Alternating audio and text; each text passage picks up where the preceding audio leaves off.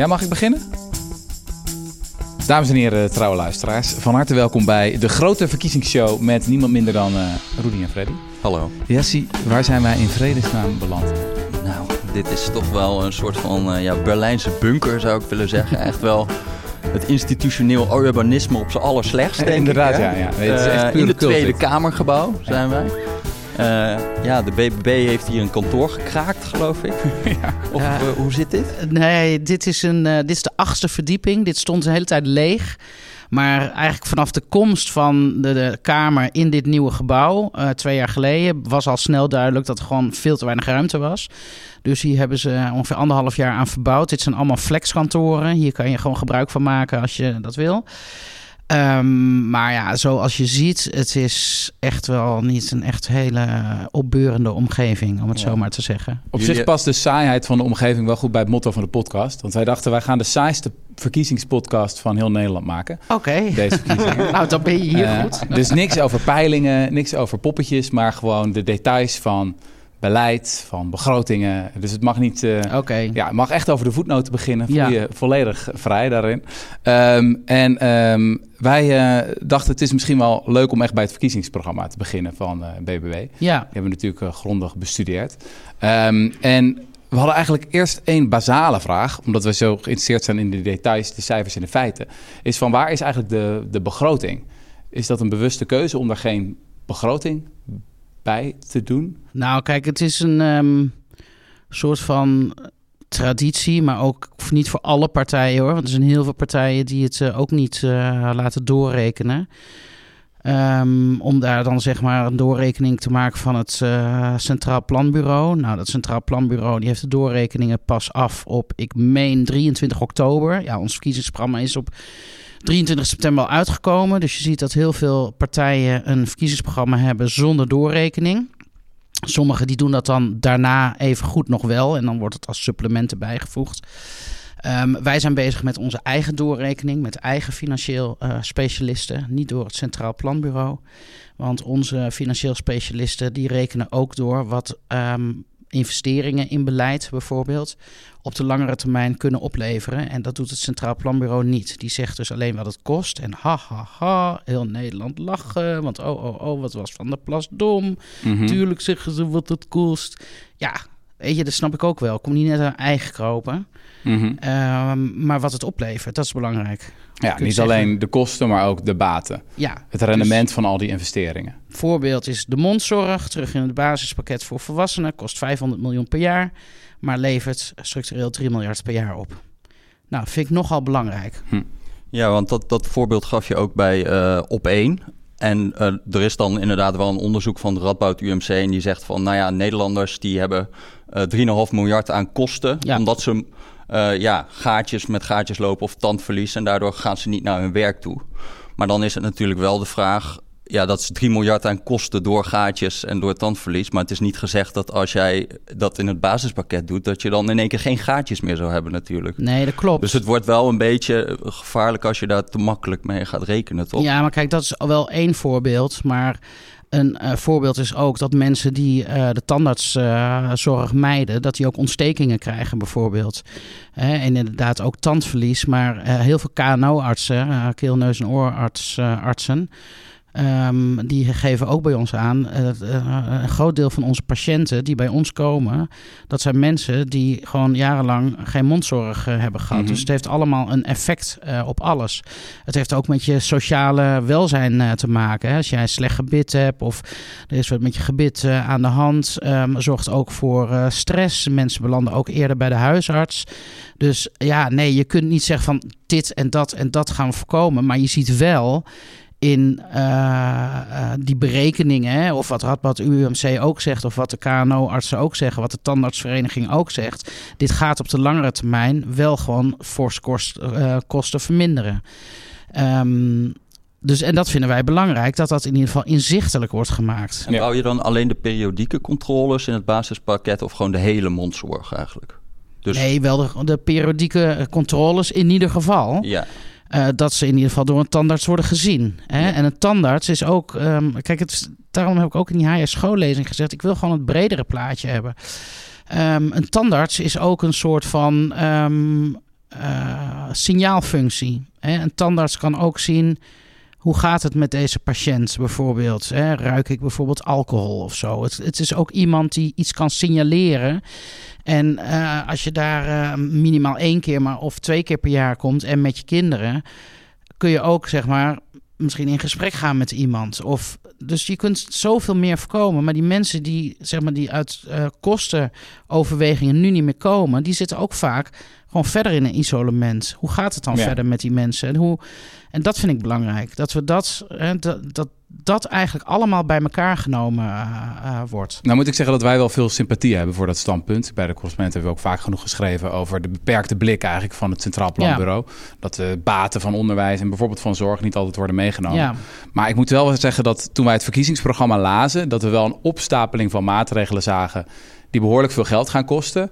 En dat het niet echt duidelijk is van hoe dat gedekt wordt. Dus nou, ik ben best een linkse jongen, maar ik dacht van... oké, nou bereikt het zelfs mijn grenzen. Ja. Um, en in de HSGO-lezing zei je denk ik ook terecht van... in de hele overheid moet doordringen dat geld dat uitgegeven wordt... eerst moet worden verdiend.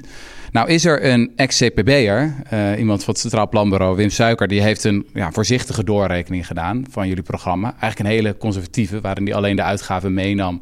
Uh, ja, waarvan echt duidelijk is dat je die moet gaan doen. Uh, en die schrijft: Uitvoering van het programma zou het overheidstekort met tenminste 7 miljard euro's verder doen toenemen. Veel maatregelen in het conceptverkiezingsprogramma zijn onvoldoende gespecificeerd om in de analyse mee te nemen. Wel is duidelijk dat deze ongespecificeerde maatregelen het zal, uh, per saldo het tekort verder opstuwen. Dus dat gevoel krijgt dan een beetje. Je kan zeggen van ja, wij doen niet mee aan die doorrekening van het CPB. Met op zich goede argumenten.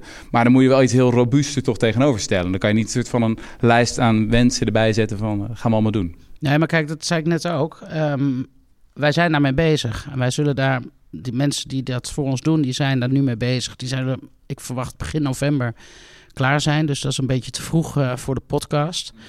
Um, dus ja, daar zullen mensen nog even op moeten wachten. Net als dat mensen moeten wachten op het, de doorrekening van het D66-programma. Want dat is dus ook nog steeds niet doorgerekend. Um, ja, en voor de rest, um, kijk, uh, wat we ook in het verkiezingsprogramma duidelijk onderscheid hebben gemaakt, maar ik weet niet of mensen dat allemaal goed lezen.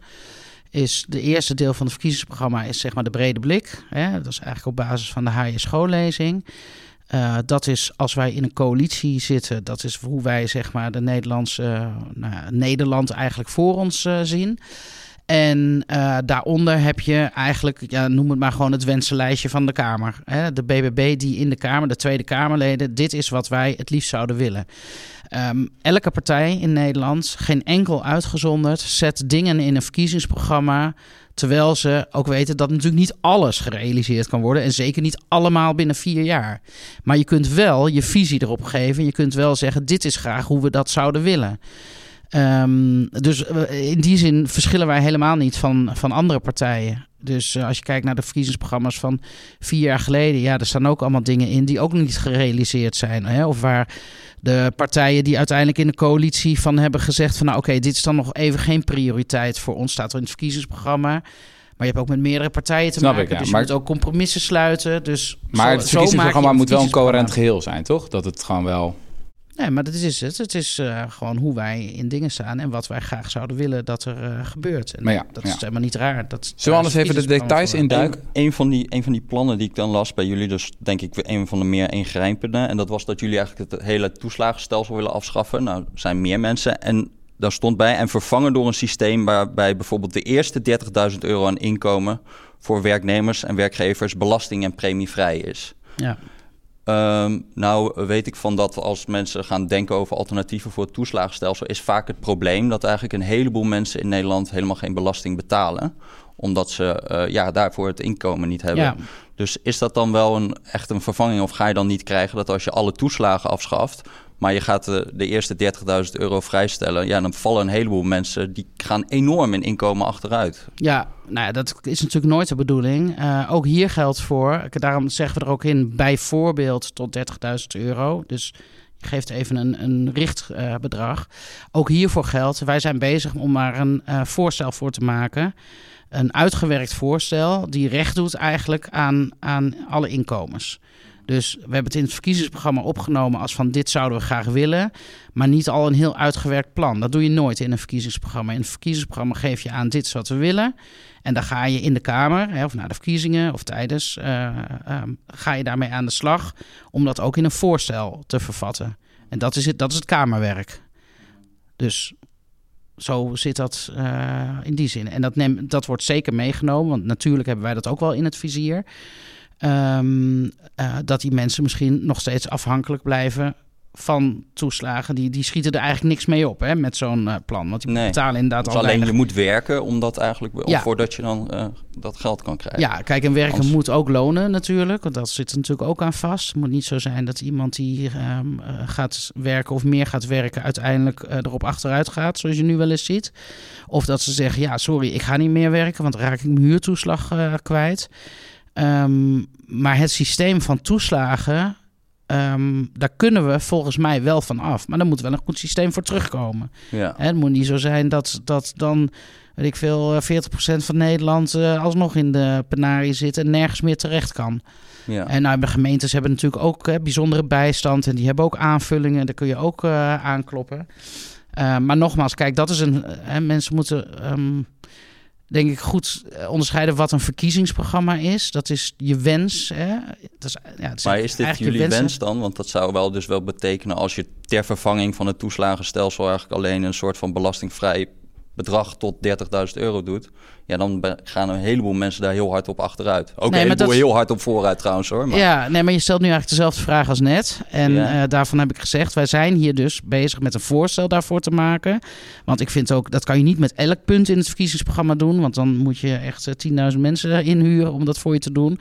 Maar voor een aantal punten um, zijn we ook al aan de slag om daar in een volgende Kamerperiode, om daar dus ook een voorstel voor te doen. Ja. He, dus het is niet zo dat we alleen maar roepen, oh, het moet anders, het moet zus, het moet zo. En uh, jongens, regel het maar.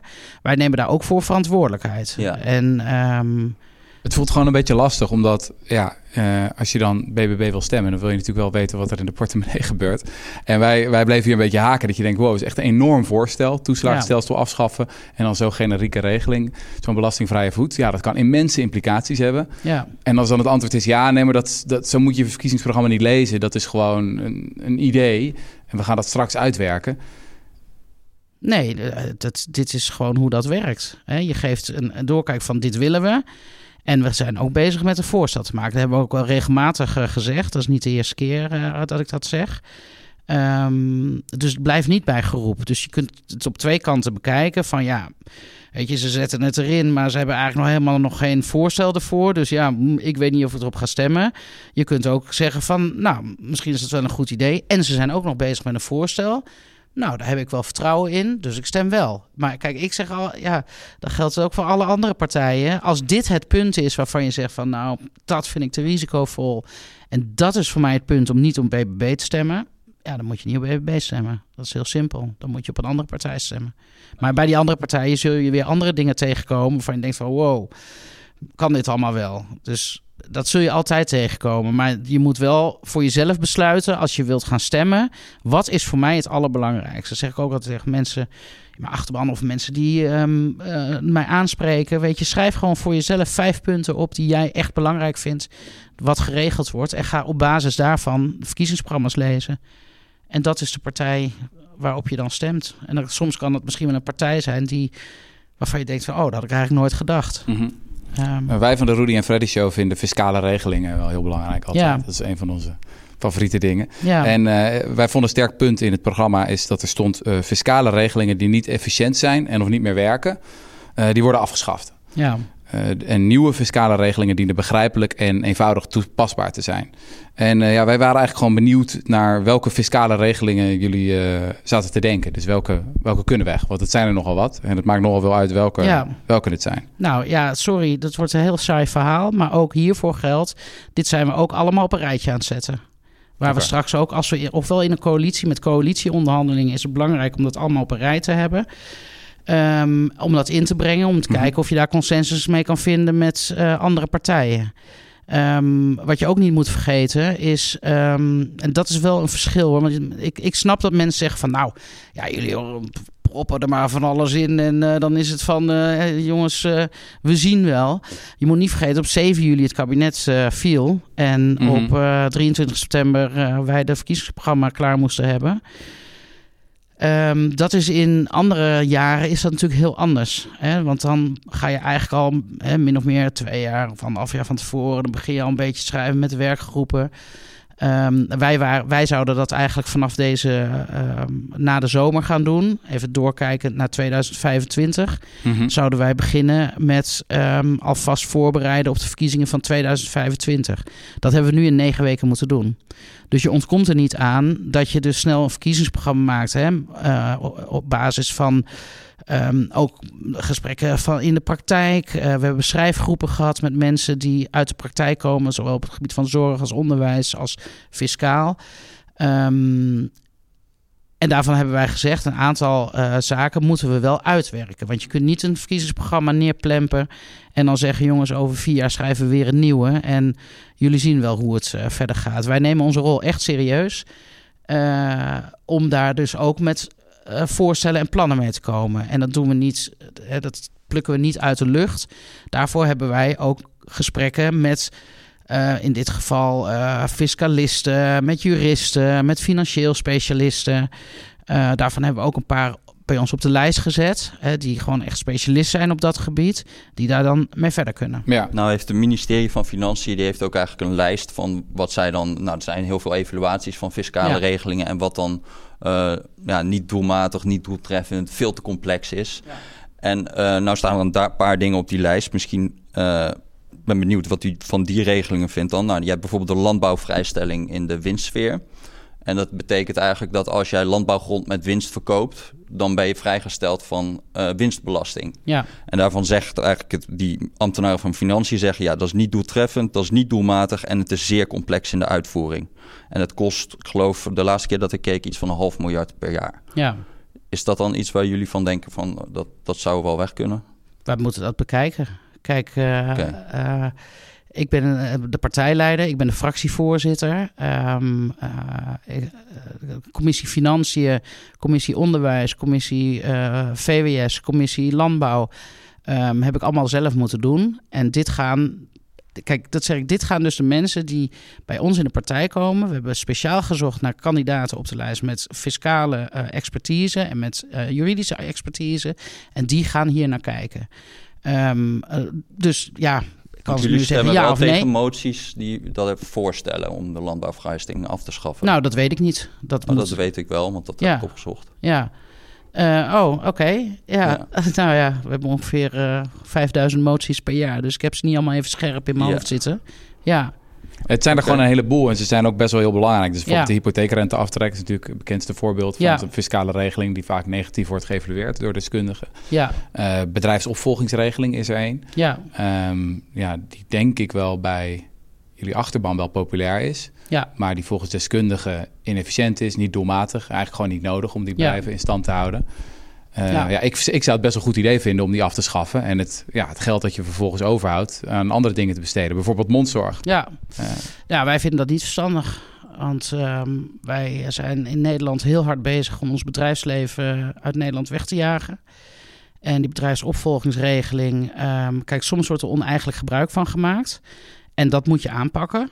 Hè? Dus dat eh, geldt voor alles. Hè? Waar het fout gaat, dat moet je handhaven. Ehm, eh, maar een bedrijfsopvolgingregeling is wel belangrijk om onze familiebedrijven in Nederland te houden. En Dat het aantrekkelijk wordt voor, om het bedrijf in de familie te houden. Een van de redenen waarom dat belangrijk is, is dat als dat niet gebeurt, kan er ook een Japans bedrijf of een Chinees bedrijf, laten we even een Bavaria noemen, een groot Mhm. familiebedrijf, die kan zeggen, weet je, of investeerders gaan dat kopen, die mhm. vervolgens zo'n heel bedrijf gaan ontmantelen. Een bedrijf wat geworteld is in de regio, wat heel veel mensen eh, arbeid geeft, wat heel veel mensen werk biedt, wat maatschappelijk gezien, hè, de veel familiebedrijven zijn maatschappelijk ehm, heel erg actief. Dat hangen ze niet aan de grote klok, maar die zorgen ook voor sponsoring van het verenigingsleven bijvoorbeeld. Eh, die doen heel veel met goede doelenfondsen. Ehm, ja, en dat is een risico. Dus wij willen wel graag dat die bedrijven hier blijven. Want die brengen ook heel veel economie en werkgelegenheid met zich mee. Ja. Dus Maar- ook weer inkomsten voor, eh, voor, de, voor de overheid. Maar volgens mij bleek uit die CPB heeft daarnaar gekeken naar die regeling. En die, het is nou niet echt aan de orde dat er massaal familiebedrijven omvallen hierdoor. En zij zeggen dan ook, je kan ook bijvoorbeeld zeggen, nou dan smeren we het over 15 jaar uit, hè, die, eh, die eh, erfbelasting. Ja, misschien is het goed om uit te leggen voor mensen die er Wat- niet helemaal in is. zitten. Want het is als je normaal natuurlijk een erfenis krijgt, dan is er erfbelasting.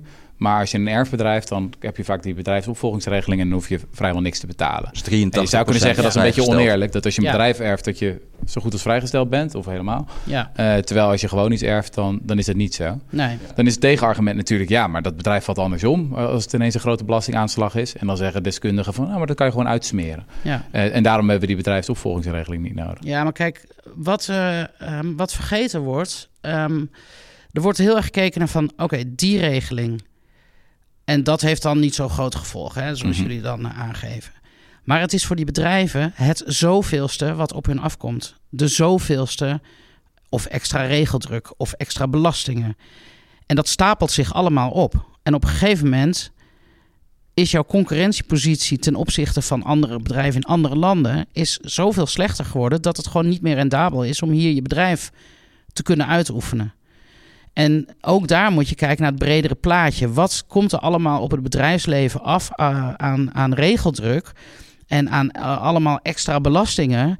Waardoor een bedrijf gewoon op een gegeven moment kan zeggen... Kijk, ik sprak Peer Swinkels bijvoorbeeld, hè, de directeur van Bavaria. Heb ik regelmatig gesproken. Ook andere mensen van andere familiebedrijven. En eh, ik vroeg aan hem van... Wanneer komt nou voor jou het moment dat je zegt... Jongens, ik kap er gewoon mee in Nederland. En toen zei hij tegen mij... Dat punt heb ik al bereikt.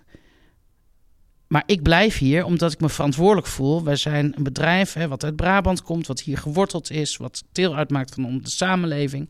Ik ga dat niet doen. Eh, want dat valt mij heel zwaar. Hij zegt, maar ik kan niet garanderen dat mijn kinderen of mijn kleinkinderen wel hier blijven. Want het is voor hun heel makkelijk om de grens over te gaan in België. Waar ze economisch gezien dan veel beter kunnen draaien, waarschijnlijk. Omdat daar gewoon minder belasting en minder regeldruk eh, In België is beter. Ik zeg wat hij zegt, hè? Hm. Dus, ja. eh, dus, zo, hij zegt, dat is dus heel makkelijk. Hij zegt, Hm. maar ik heb ook een morele plicht richting eh, mijn werknemers. Heel veel mensen die hier werken, die komen hier uit de buurt, bijvoorbeeld. Eh, ja, we hebben gewoon een, een diep gewortelde historie hier in de buurt. En dat vind ik belangrijk. En dat is dus ook wat hij aangeeft. Het, is, het zijn allemaal... Weet je, de, de, de, de bedrijfsleven wordt een beetje, ook wel eens in debat eh, gezegd, wordt een klein beetje gebruikt als pinautomaat. Oh, haal het maar weg bij de bedrijven en dan kunnen we dat ervan gaan betalen. Maar het houdt een keer op. Hè? Wat ik misschien lastig vind aan dit antwoord, waar ik deels best wel mee eens ben en voor kan voelen, is dat het een heel algemeen antwoord is over problemen met het bedrijfsleven en hoe we ermee omgaan. Ja, Op een best wel concrete vraag van wat doen we met die bedrijfsopvolgingsregeling? ja, die willen Wat een wij. hele specifieke fiscale regeling is, ja. waar specifieke mensen van profiteren. En wat eigenlijk oneerlijk is tegen andere mensen die een erfenis volgens mij zijn dat, Dat is juist een- de eigenaren van die bedrijven en niet per se de bedrijven die hier last van hebben, toch? Het is zeg maar de, de, de mensen die, eh, die toevallig zijn geboren als de zoons of dochters van. Ja, maar dit is echt een hele linkse communistische eh, gedachte wat jullie hebben. Ja, serieus. Ik vind dat je daar heel erg mee moet oppassen. Hm. Eh, ten eerste zet je mensen echt in een kwaad daglicht door dit zo te stellen. Van ja, ze zijn toevallig daar geboren en dan zitten ze hun zakken daar te vullen. En dat geld kan toch ook naar de armen. Ik vind echt dat je daarmee moet oppassen. Het is toch juist een heel liberale gedachte van je moet werken voor je moet eigen geld. voor je geld. Ja. Nou, ik denk dat die Handen uit de mouwen, wat bijdragen Ja, en maar dan ja. krijg je het. mensen die heel hard werken, die, die niet toevallig zijn geboren als de Nee, maar jij gaat ervan uit dat als je wordt geboren hè, als eh, Pietje Swinkels, hè, om nou maar even eh, dit eh, voorbeeld te noemen, dat je de hele, je hele leven met een zilveren lepel in de mond loopt, niks hoeft te doen en dan uiteindelijk eh, een cadeautje krijgt van hier heb je een bedrijf. Die mensen in familiebedrijven, dat zijn juist vaak hele harde werkers. Die beginnen helemaal van onderop. Die beginnen aan de lopende band, bij wijze van spreken. En die gaan helemaal dat eh, bedrijf in. Eh, die moeten daarvoor studeren. Dus ik vind het gewoon een valse voorstelling van zaken. En ik merk dat hier in de Kamer ook heel veel. Dat het bedrijfsleven eigenlijk als een soort van zakkenvullende, graaiende cowboys wordt neergezet. Die geen enkel belang heeft bij de maatschappij. Die echt de boze boemannen zijn. En daar moeten we het geld weghalen bij die rijke elite. Weet je, dat, dat is het kwaad. En dat moeten we geven dan aan de mensen die arm zijn. Zo vind ik dat het een beetje wordt neergezet. En daarvan zeg ik, daar moet je gewoon heel erg mee uitkijken. Want die frames, die gaan gewoon een eigen leven leiden. Terwijl als je gewoon ehm, goed kijkt naar ehm, grote bedrijven, zoals een Bavaria bijvoorbeeld, um, geven bijvoorbeeld ook heel veel werkgelegenheid aan toeleverende bedrijven. die machines die moeten gebouwd worden, die moeten onderhouden worden. dus de loodgieter, de elektricien, alle toeleverende bedrijven die daar uh, voor zo'n groot bedrijf leveren, daar werken ook weer mensen. Dat zijn ook weer in Nederland misschien wel miljoenen mensen die voor het MKB uh, Nederland werken op de een of andere manier. Dus dat haakt allemaal. Het zit, haakt allemaal in elkaar. Je kunt dat niet als een losstaand iets zien.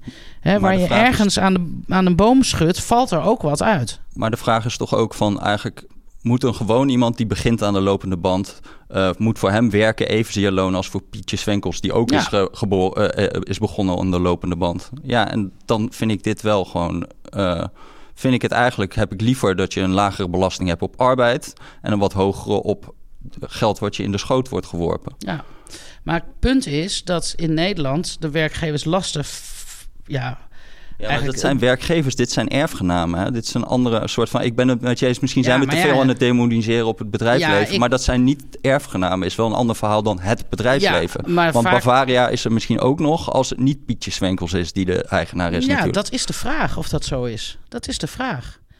En ehm, kijk, dit zijn erfgenamen. Ja, je kunt niks aan doen dat je in zo'n gezin bent geboren. je had ook uh, ernaast geboren kunnen worden, bij wijze van spreken.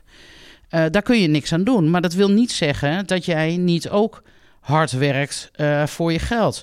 Vaak zit in ondernemingen zit, vaak wel winst. Maar die winst gaat vaak rechtstreeks weer in het bedrijf. Om te innoveren of betere producten te maken. Of Um, weet je, het is niet dat alle winsten rechtstreeks in de zakken van de bedrijven uh, of de, eigenaren van bedrijven uh, verdwijnen. Zeker, weet je, ik ben ook niet naïef. Die mensen wonen in een mooi huis en die hebben een mooie auto, zeker. Maar als je wil doen wat jij zegt, um, ik moet je heel eerlijk zeggen, ik heb hier heel vaak discussies over met mijn zoon. Mhm. Mijn oudste zoon. Die staat er een beetje hetzelfde in als, oh als jij. Ook een communist. Is, uh, nou, daar heb ik het wel met hem over gehad. Dit neigt wel een beetje naar communisme. Uh, maar ik vind het een heel interessant onderwerp. Laat ik dat uh, even voorop stellen. Um, ik ben heel even tussen even het cijfertje. Ik ben deze zomer met hem naar het voormalige Oostblok gegaan. Een roadtrip. Hoe verzin je het? Daar kwam dit onderwerp. Volgens mij begon het ook met het onderwerp communisme, zodat we hier op uitkwamen. Maar dat is heel interessant, want ik zat uren met hem in de auto. Dus ik heb best wel veel met hem hierover gehad. Hij is daar ook heel expliciet in. Mhm. Hij zegt: Ik vind het echt niet kunnen dat iemand die, hè, die krijgt dan een. Uh, verhoging van minimumloon. En die, je hoort, die krijgt wel 50 euro bij. Terwijl die, die grote jongens, hè, die grote bazen, die verdienen miljoenen. Hij zegt, ik vind dat gewoon, dat het verschil is te groot. Um, nou goed, heb ik met hem over gediscussieerd. Zei ik ook, ja, maar kijk, zo'n bedrijf, dat wordt ook opgebouwd een keer. Hè? Dat, daar is al een generatie daarvoor of daarvoor is daar al mee bezig geweest. Die mensen hebben waarschijnlijk eh, heel lang gewoon van bijna niks... Sorry. van bijna niks moeten leven om uh, dit bedrijf op te bouwen. Die mensen investeren ook in de maatschappij. Dus zo probeer ik dat een beetje uit te leggen. Um, maar hij zat ook heel erg in de hoek van ja, maar dan toch vind ik het niet eerlijk. Waarom gaat iemand, waarom moet iemand met 2000 euro netto in de maand tevreden zijn als hij dat al verdient? Terwijl hè, daarboven gewoon managers en nou ja, rijke eigenaren uh, meer verdienen. Ja, en dan is ook nog de vraag van waarom dan zo'n verschil tussen verschillende erfenissen. Want als, je, als, als iemand anders 800.000 euro uh, erft, dan betaalt hij gewoon 100, de volle map. En als je een bedrijf erft met uh, eh, 800.000 euro op de bankrekening, dan betaal je nog maar uh, eh, 17% daarvan. Dat is toch wel een beetje. Hey, laten we het even over uh, het volgende thema hebben. Want volgens mij zijn de posities hier duidelijk. Ja. ik wou het over de woningmarkt hebben. Volgens kiezers prioriteit nummer 1, dat we huizen gaan bouwen. Ehm, ja, je zou kunnen zeggen, ja, wonen, dat is toch de kern van bestaanszekerheid. En nou was het leuke dat er was een column recent van uh, oud-PVDA-kamerlid Ed Groot. En die zei van, nou, ik heb het allemaal een beetje bekeken, de verkiezingsprogramma. Hij is ook specialist wonen. En eigenlijk alleen die van BBB die deugt.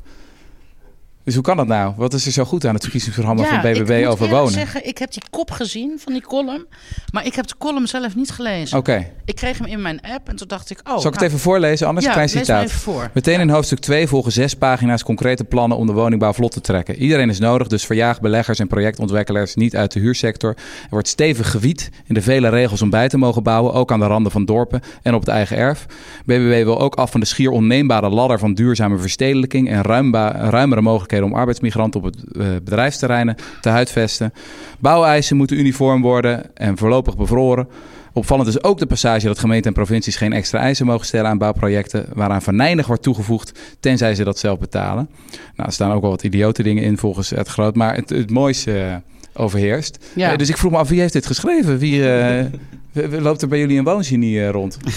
of, wij hebben voor alle hoofdstukken, um, dus toen we het verkiezingsprogramma gingen schrijven, hebben we voor alle hoofdstukken hebben we mensen gevraagd. Um, ook uit uh, de bouwsector, maar ook uit de woonsector, maar ook uit de huursector. Maar ook mensen die um, woningeigenaren, bijvoorbeeld, is eigenlijk zo groot mogelijke groep. Um, uh, vertegenwoordiging, zeg maar, om het uh, verkiezingsprogramma te schrijven. Dus. Maar ik neem aan dat andere partijen dat ook doen. En ik vond het opvallend dat ja. jullie wel nou, ik zou zeggen, dappere keuzes durven maken. Dus ook als er bijvoorbeeld allerlei lokale tegenstand is. We noemen dat in het Engels noemen we dat de NIMBY's, hè? De ja, not in my backyard, in my backyard mensen. Ja. Ik kom zelf uit Houten, nou, de, daar komt het ook wel eens voor. Zijn er nog wel achtertuinen? Soms alleen maar beton uh, daar. Nou, niks lelijks over Houten zeggen. Nee, Houten is uh, hartstikke leuk. Ik ben wel eens Misschien niet zo mooi als Deventer, maar... Houten heeft wel hele aardige mensen. Dat klopt zeker. Ja, ja. Uh, maar hadden we onlangs een uh, groot referendum uh, voor extra woningbouw. En ja, dan zijn de lokale argumenten altijd wel begrijpelijk. Maar toch keer op keer blijkt van ja, wel goed. We zijn wel voor woningbouw, maar in Nederland. Ja. En als het dan concreet wordt van oké, okay, we gaan het daar doen. Dan is het nee, nee, nee, niet hier. Hier geen windmolens, hier geen zonnepanelen, hier geen woning. Klopt, ja. Ja, dat zit denk ik in het systeem van heel veel mensen. Hoe komen we daar vanaf, van die mentaliteit? En um, nou ja, ik denk door burgers wel heel goed mee te nemen vooraf in planvorming. Vaak worden er al plannen gemaakt en dan wordt er een tekening gemaakt en dan is het op ambtelijk niveau en eh, met uh, projectontwikkelaars zo is er al contact geweest en dan is er een plan klaar en dan krijgt de burger dat te zien en denkt ja oh maar dit uh, is niet de bedoeling want ik had, ik had altijd zo'n mooi vrij uitzicht en dan komt er ineens een flat voor mijn deur staan of een appartementengebouw of een, of een woonwijk. Um, ja, kijk, ik hanteer zelf altijd um, uh, de formule: geef mensen kennis. En kennis leidt tot begrip. En begrip leidt tot draagvlak. En draagvlak leidt tot bestaansrecht. En zo zou eigenlijk een overheid ook. En iedereen trouwens, hè, die moet communiceren met uh, de burger.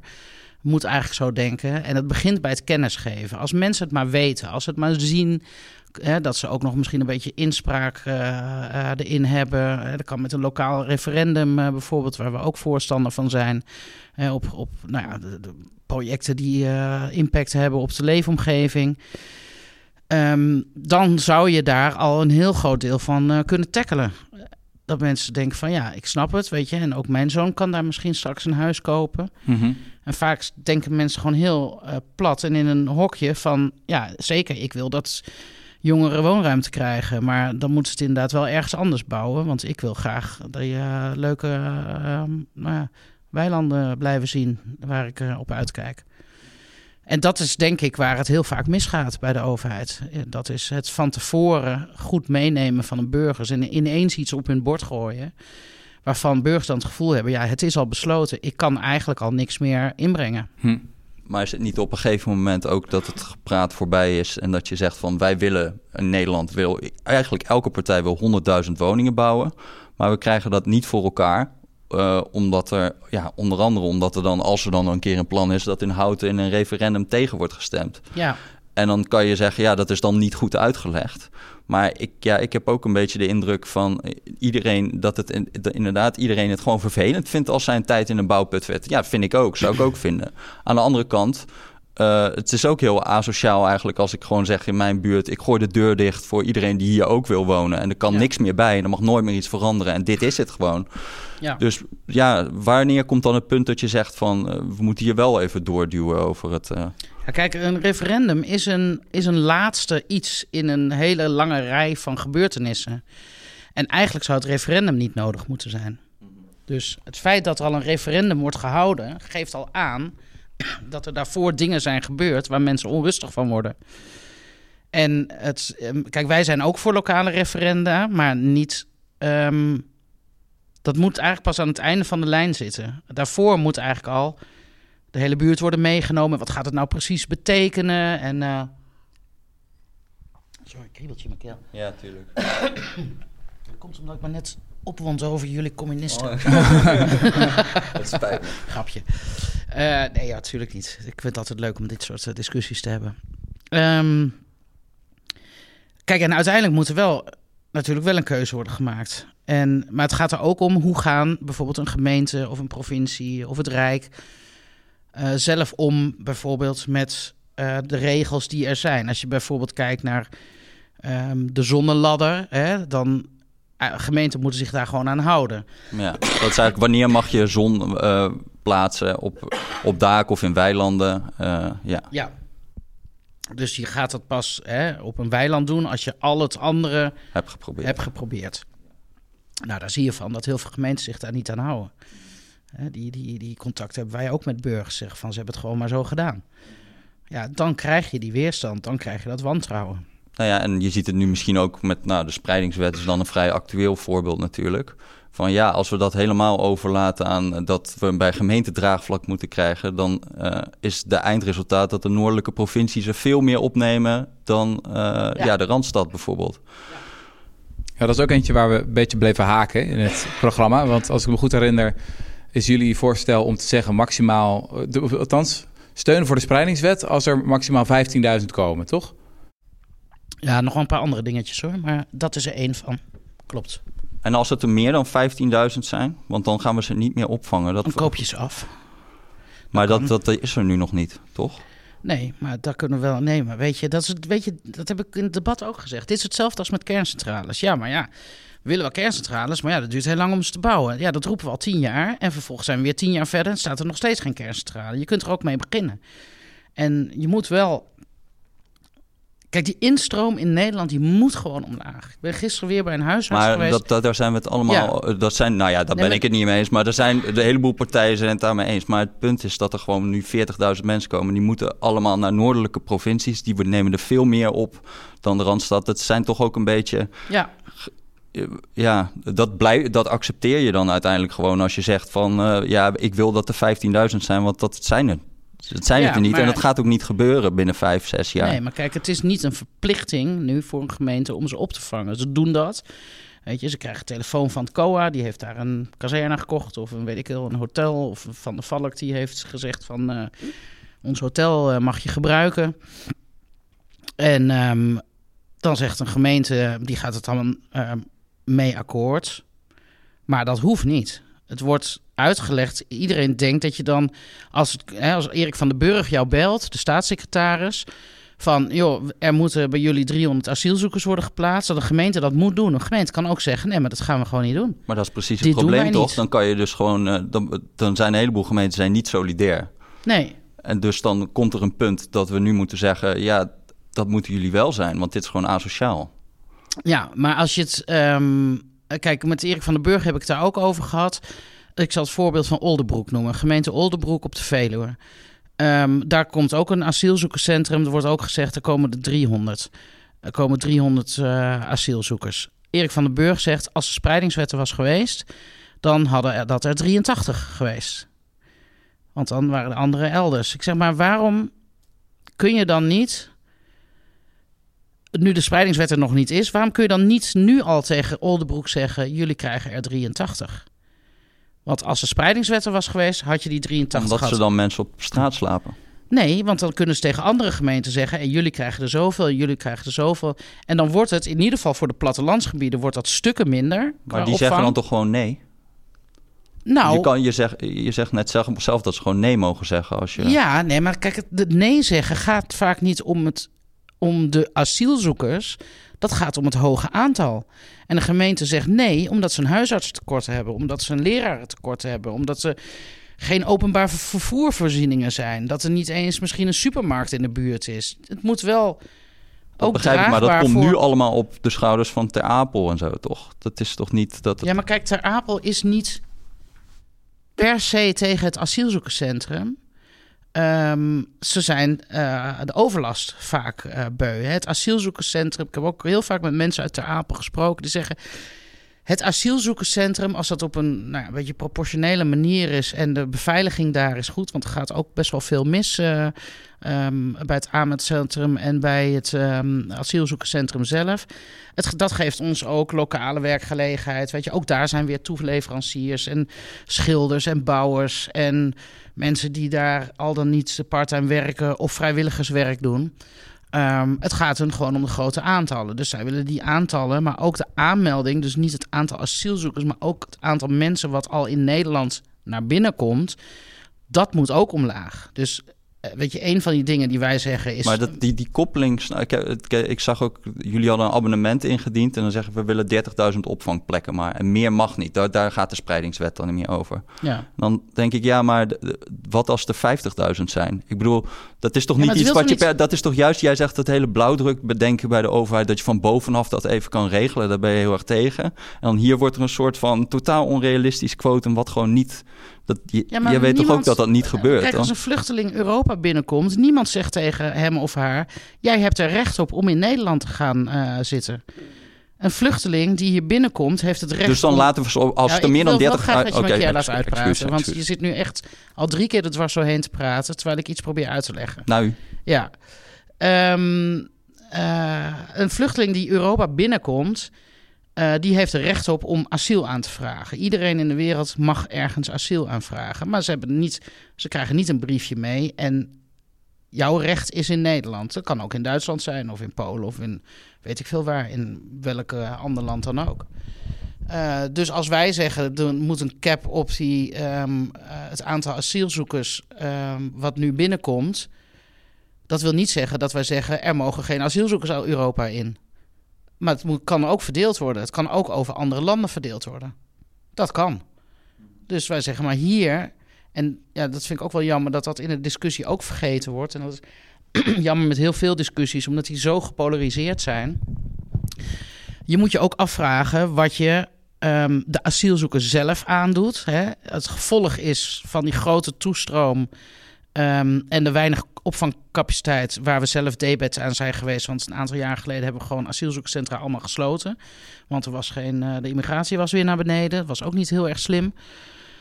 Ehm, dan moeten mensen op een grasveldje gaan slapen. Of die worden met bussen door heel Nederland van hot naar her gereden. Hè? En er zitten, zeker zitten daar gelukzoekers bij, maar er zitten ook getraumatiseerde mensen bij met kinderen. Waarvan je moet denken: is dat wenselijk om dat op deze manier eh, te doen?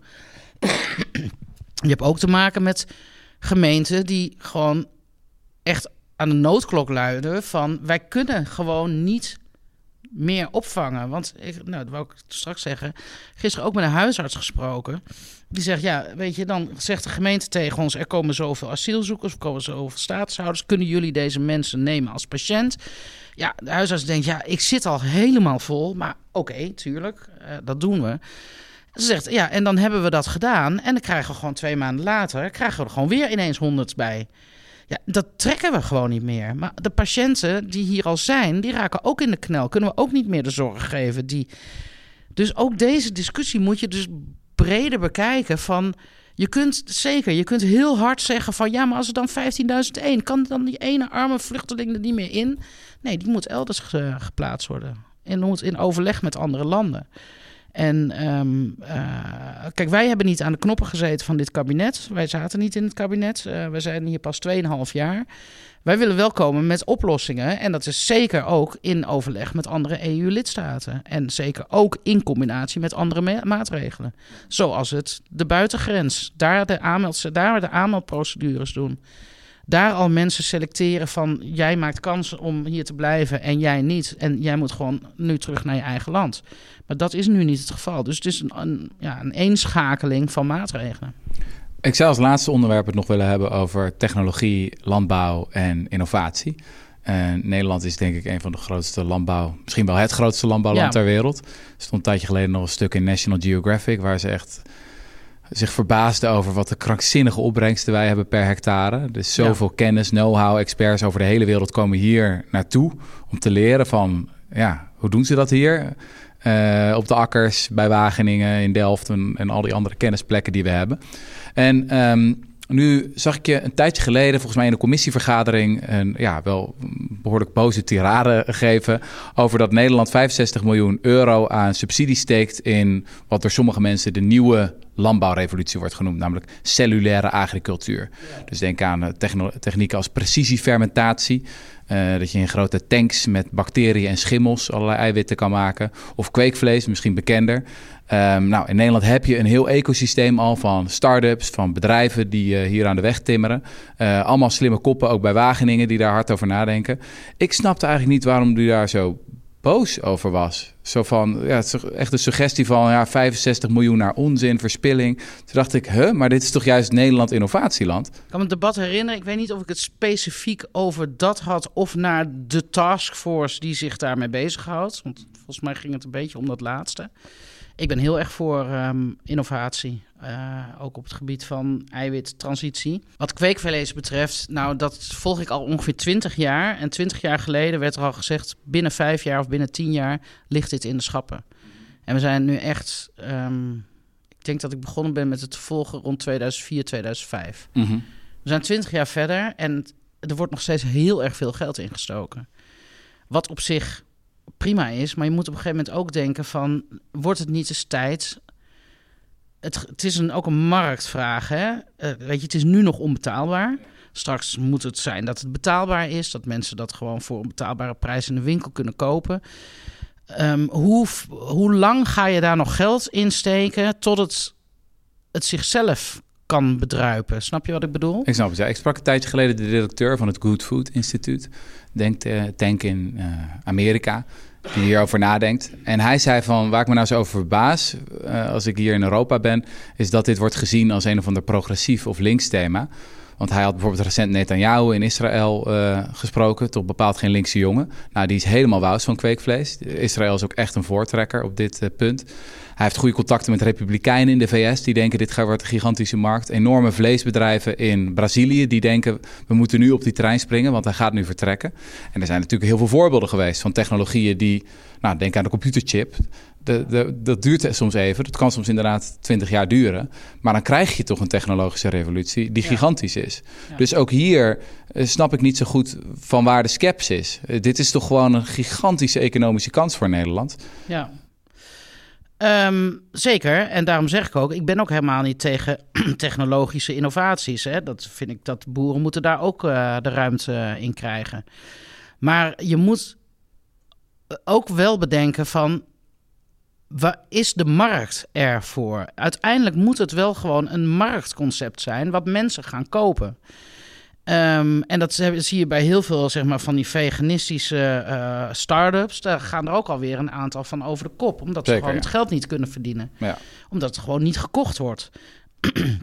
of althans te weinig gekocht Ja, wordt. Nederland koopt de meeste vleesvervangers ter wereld. Dus in Nederland is die markt. Ja, maar die markt is echt heel klein vergeleken bij... Maar het is fors aan het groeien, toch? We zien het allemaal in de schappen van de supermarkten. Nou wel- ja, en volgens mij gaat het eh, juist wat minder. ja. Maar volgens mij is de groei al minder hard. Dus als er nou een, een kweekvleesburger zou zijn... die volgens onafhankelijk wetenschappelijk onderzoek eh, gezonder is... eh, nou, aan het prijskaartje zien we ook dat hij goedkoper is geworden... en hij is ook duurzamer volgens wetenschappers. Zou je hem dan eten? Als die lekker is. Want mensen kopen als eerste iets omdat ze het lekker vinden. Ja, Smaak. ja nee, oké, precies. Dus hij, en hij is, is, eh, hij is minstens en zo is- lekker als het alternatief. Ja, ehm, Zou u overstappen? nou ja, overstappen. Misschien dat ik het ook wel eens zou kopen. Maar eh, hè, misschien het moet dan wel echt vergelijkbaar zijn met de rundvleessmaak. Ik heb het over vers, hè? dus niet ik kan de zout en saus en weet ik veel wat. ja, ja, gooi. ja. Nee, de, de eisen mogen maken. hoog zijn, maar Dus het, gewoon, de, de gewoon een echt goede burger. rundvlees hamburger. En van echt dierlijke cellen, want dat is kweekvlees. Het is Ja. echt... Ehm, wellicht. wellicht. Maar, Maar, zou je het ook wenselijker vinden als dat, als dat zou kunnen? Dus als Nou, we gewoon een beest kunnen eten zonder het beest te, Ja. te gebruiken. Ehm, nou, ik wou er nog even iets aan, aan toevoegen. Ik wil natuurlijk niet elke week de hele dag burgers eten. Ik wil ook een kippenpoot. Snap Ja. je? Ik vind de carbonade ook lekker. Ik Ja, vind kunnen we ook maken ook lekker. Gaan we ook doen. Weet je, we moeten allemaal... Ja maar, ja, maar dat is gewoon onthoud. Dat gaat in de komende... We gaan niet het hele vleesassortiment op basis van kweekvlees. Dat gaat, dat gaat niet lukken. Hoe graag eh, mensen het ook zouden willen. Maar dat Hmm. is... Het blijft... Het is ook... Die kweekvlees is ook echt de hele tijd op die burger. Ja. Het is een hamburger. Het is gehakt eigenlijk wat je koopt. Dus, dus dat is met eten ook. Je wilt ook variatie hebben. Ehm, op jouw vraag terugkomend, is het niet eh, wenselijker dat het beest niet dood moet? Ik kan me heel goed voorstellen dat er mensen zijn die zeggen van... ik wil geen dierlijke producten, omdat ik niet wil... ehm, hè, de vegetariër, A, dat een dier voor mij moet sterven... en B, de veganist, dat een dier überhaupt gebruikt wordt voor menselijke gewin. Hè? Dat kan ook eh, honing zelfs eten veganisten ook niet. Want de, bij, de honing moet voor de bij zijn en niet voor ons. Eh, dat kan ik me heel goed voorstellen. Als dat een overweging is voor mensen om geen vlees te eten... of geen dierlijke eiwitten... dan heb ik daar respect voor. Ehm, dat, zou, dat vind dat ik denk niet dat ik ooit vegetariër en zeker geen veganist word. Maar als ik het zou worden, zou dat de enige reden zijn waarom ik dat zou doen. Niet vanuit milieuoverwegingen, weet je, want avocado's die leggen ook heel veel afstanden af en er wordt heel veel water voor gebruikt. Dat, dat vind ik allemaal onzin. En weet je, intensief vlees uit intensieve veehouderij heeft een lagere milieudruk dan zeg maar biologisch. Maar goed, dat. eh, maar dat zou ik een, dat zou ik een reden kunnen vinden om eh, zeg maar geen vlees meer te eten. Maar ik vind dat niet.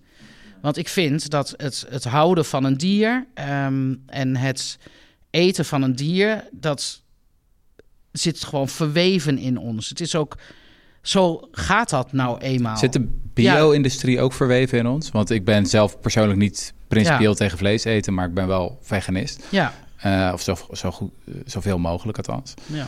Ehm, maar ja, ik vind gewoon de manier... Bijvoorbeeld varkens in Nederland. Eh, ja, 99% van de varkens komt nooit buiten. ja.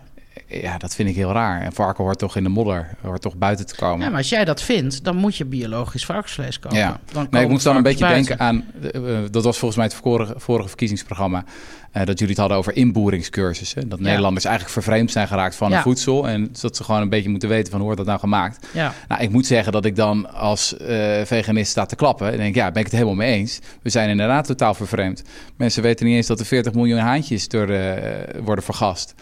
omdat die geen eieren kunnen leggen. Mensen Ja. weten niet eens wat er... Ja, hoe, eigenlijk hoe hun...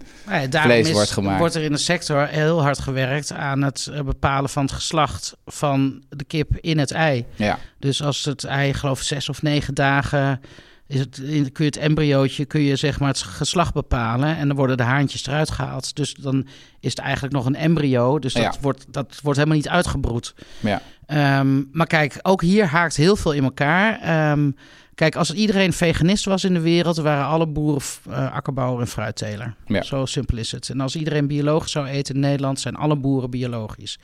Maar het gebeurt niet. Dus er is een markt voor en die markt die produceert. Ehm, ik weet niet of je wel eens op een varkenshouderij eh, bent geweest, eh, Mhm. in gesprek bent geweest, gewoon met een gangbare varkenshouderij, dus intensieve varkenshouderij. Ehm, zou je er ook meer van leren. Maar ik kan me best voorstellen dat de aanblik van een stal die dicht is, waar varkens niet buiten komen, dat dat emotioneel gezien gewoon dat je dat niet leuk vindt. Als je er met een iets andere blik naar kijkt en je bent in zo'n stal en een boer legt uit hoe en wat en ook hoe een varken in elkaar zit, eh, bijvoorbeeld. Hè, eh, daarom hebben we bijvoorbeeld ook groepshuisvesting van, eh, van zeugen in Nederland. Dat moet. Zeugen moeten in de groep leven, ook al komen ze niet buiten in de stal. Die worden niet allemaal in hekjes neergezet de rest van hun leven. Die foto's die gaan altijd wel rond, maar dat systeem is al lang afgeschaft. Dan krijg je er ook wel wat meer begrip voor. Dan hoef je nog steeds niet te eten. Dan kun je nog steeds zeggen: ja, maar ik wil toch dat ze buiten komen. Mhm. Ik wil toch dat ze in de modder liggen. Ja, dat is een prima keuze. En die keuze hebben we ook in Nederland. Alleen, nou ja, terugkomend op die consument. Het is duurder. Maar ja. En het is smeriger, laten we eerlijk zijn. Ik vond vlees, ik vond vlees ook heel lekker. Ik, dus, Ja. dus zeg maar, de alternatieven zijn gewoon niet zo lekker als vlees. Maar dan denk ik, zou het niet, is het niet juist mooi dan dat we heel veel zouden gaan inzetten om te proberen om wel die alternatieven ook beter te maken. Ja, Omdat ik- het toch niet iets is wat we eigenlijk over 50, 60 jaar nog willen. Hopelijk, hè? Ja, dat weet ik niet. Dat roepen we al 30 jaar. En eh, ondertussen stijgt het aantal ehm, vegetarische producten. Als je dat ziet, dat stijgt binnen het percentage wat er nu is wel heel hard. Maar ehm, een stijging van 50% van een markt van 2%, ik noem maar wat, is nog steeds een kleine markt. Ja. Snap je? Dus het wordt wel gepresenteerd als van wauw. weet je, Dat is waar. En wereldwijd gaan we alleen maar meer Ja, vlees is eten. verdubbeld van Ja. Eh 1, zoveel procent naar eh 2, zoveel procent. Dus dat blijft, eh, dat blijft nog steeds klein. Ehm, dus ik vraag me af of dat zo eh, is. Kijk, als je ook kijkt naar de, de groei van de wereldbevolking.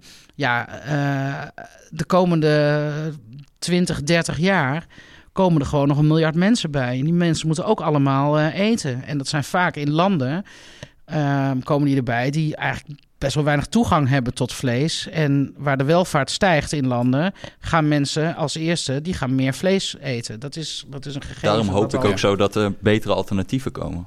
En maar dat wij daar juist die- als technologisch land proberen daar gewoon ook wat eh, geld voor het, eh, vrij te maken om dat Ja. te realiseren. Maar ik snap me, ik ben ook misschien een old wief wat dat betreft, maar ik snap die drang naar alternatieven niet. Weet je, als ik een dag vegetarisch eet, kies ik gewoon verse plantaardige producten.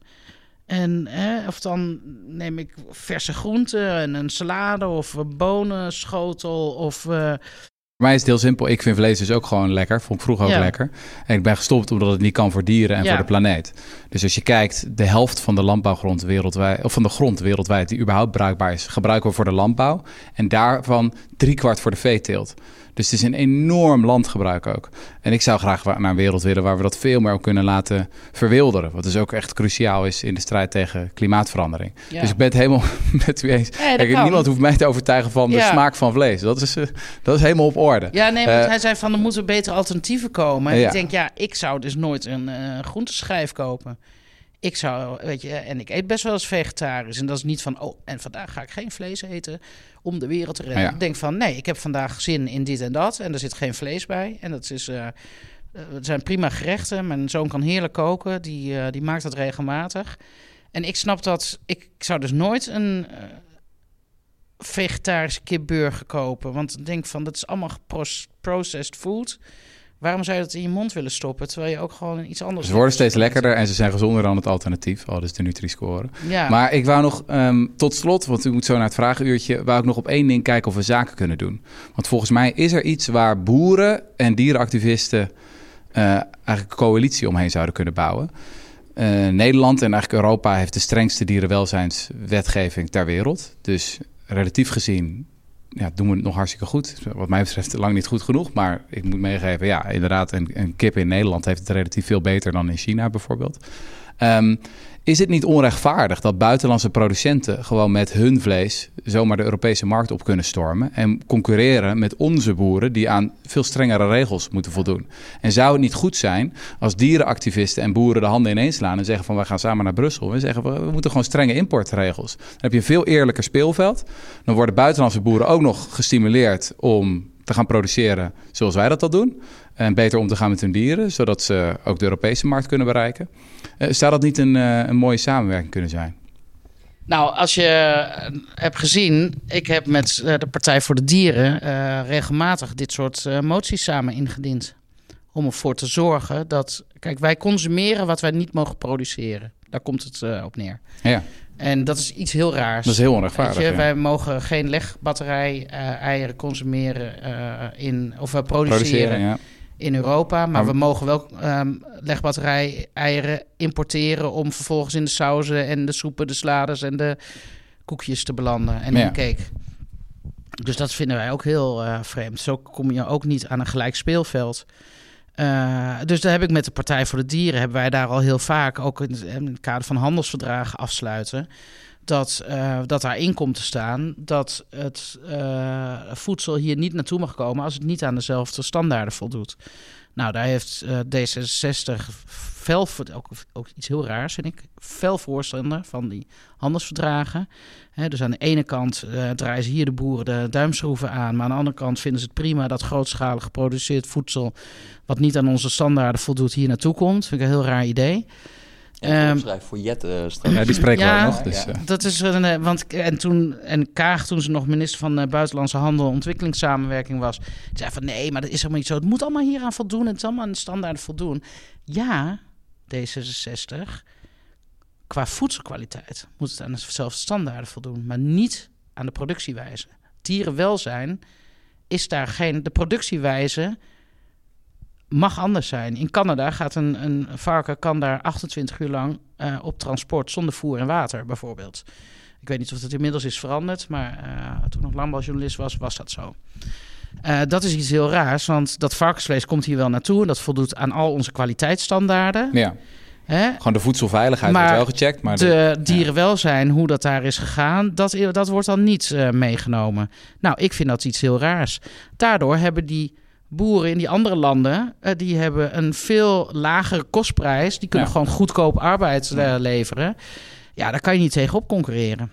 Dat is ook een van de redenen. Daarom vind ik het zo interessant om die discussie zo breed te houden. Daarom vind ik het ook een van de redenen dat we er moet, voor moeten zorgen dat we in ieder geval in Europa onze boeren wel genoeg houden om niet afhankelijk te gaan worden van die importen straks. En dat wordt natuurlijk wel makkelijk met die handelsverdragen, want dat wordt sowieso goedkoper om het te importeren. Dus dat we onze boeren wel goed eh, beschermen daartegen. Dus ja, weet je, daar ben ik het helemaal mee eens. En um, kijk, ik wil best met een dierenactivist naar Brussel. Maar ik moet wel even kijken welke dierenactivist dat dan is. Want ja, ja, ik ga niet met alle dierenactivisten. Uh, We gaan er eentje uitzoeken. Vegan streaker. Nee, maar met Esther Ouwehand is ook een uh, dierenactivist. Daar zou ik best wel mee naar Brussel willen. Zeker. Kijk aan. Mooi plan. Ja. Heel veel dank voor dit gesprek. Ja, graag gedaan. Jullie ook bedankt. Leuk. Ja. Ja, dat was hem dan. Um, wij vonden het een mooi gesprek. Zeker. Ik met deze fascinerende lijsttrekker. Uh, en dan komt natuurlijk de onvermijdelijke vraag. Vond je dit de moeite waard? Luister je graag naar de interviews van Rudy en Freddy Show met deze fantastische lijsttrekkers. Geld. Geld, ja. Uh, het is allemaal niet gratis om te maken. Video, camera, inhoud. We moeten al die dossiers lezen en ondertussen ook nog eten. Um, dus vind je dit uh, leuk? Uh, ga dan naar www.decorrespondent.nl slash Word lid. Vind je gewoon überhaupt Rudy en Freddy Show filmpjes best wel cult. Ja. Decorrespondent.nl slash word lid. Ja, dat was de boodschap. Ja. Dank jullie wel. Applaus. Dan krijg je applaus. Ja, timing.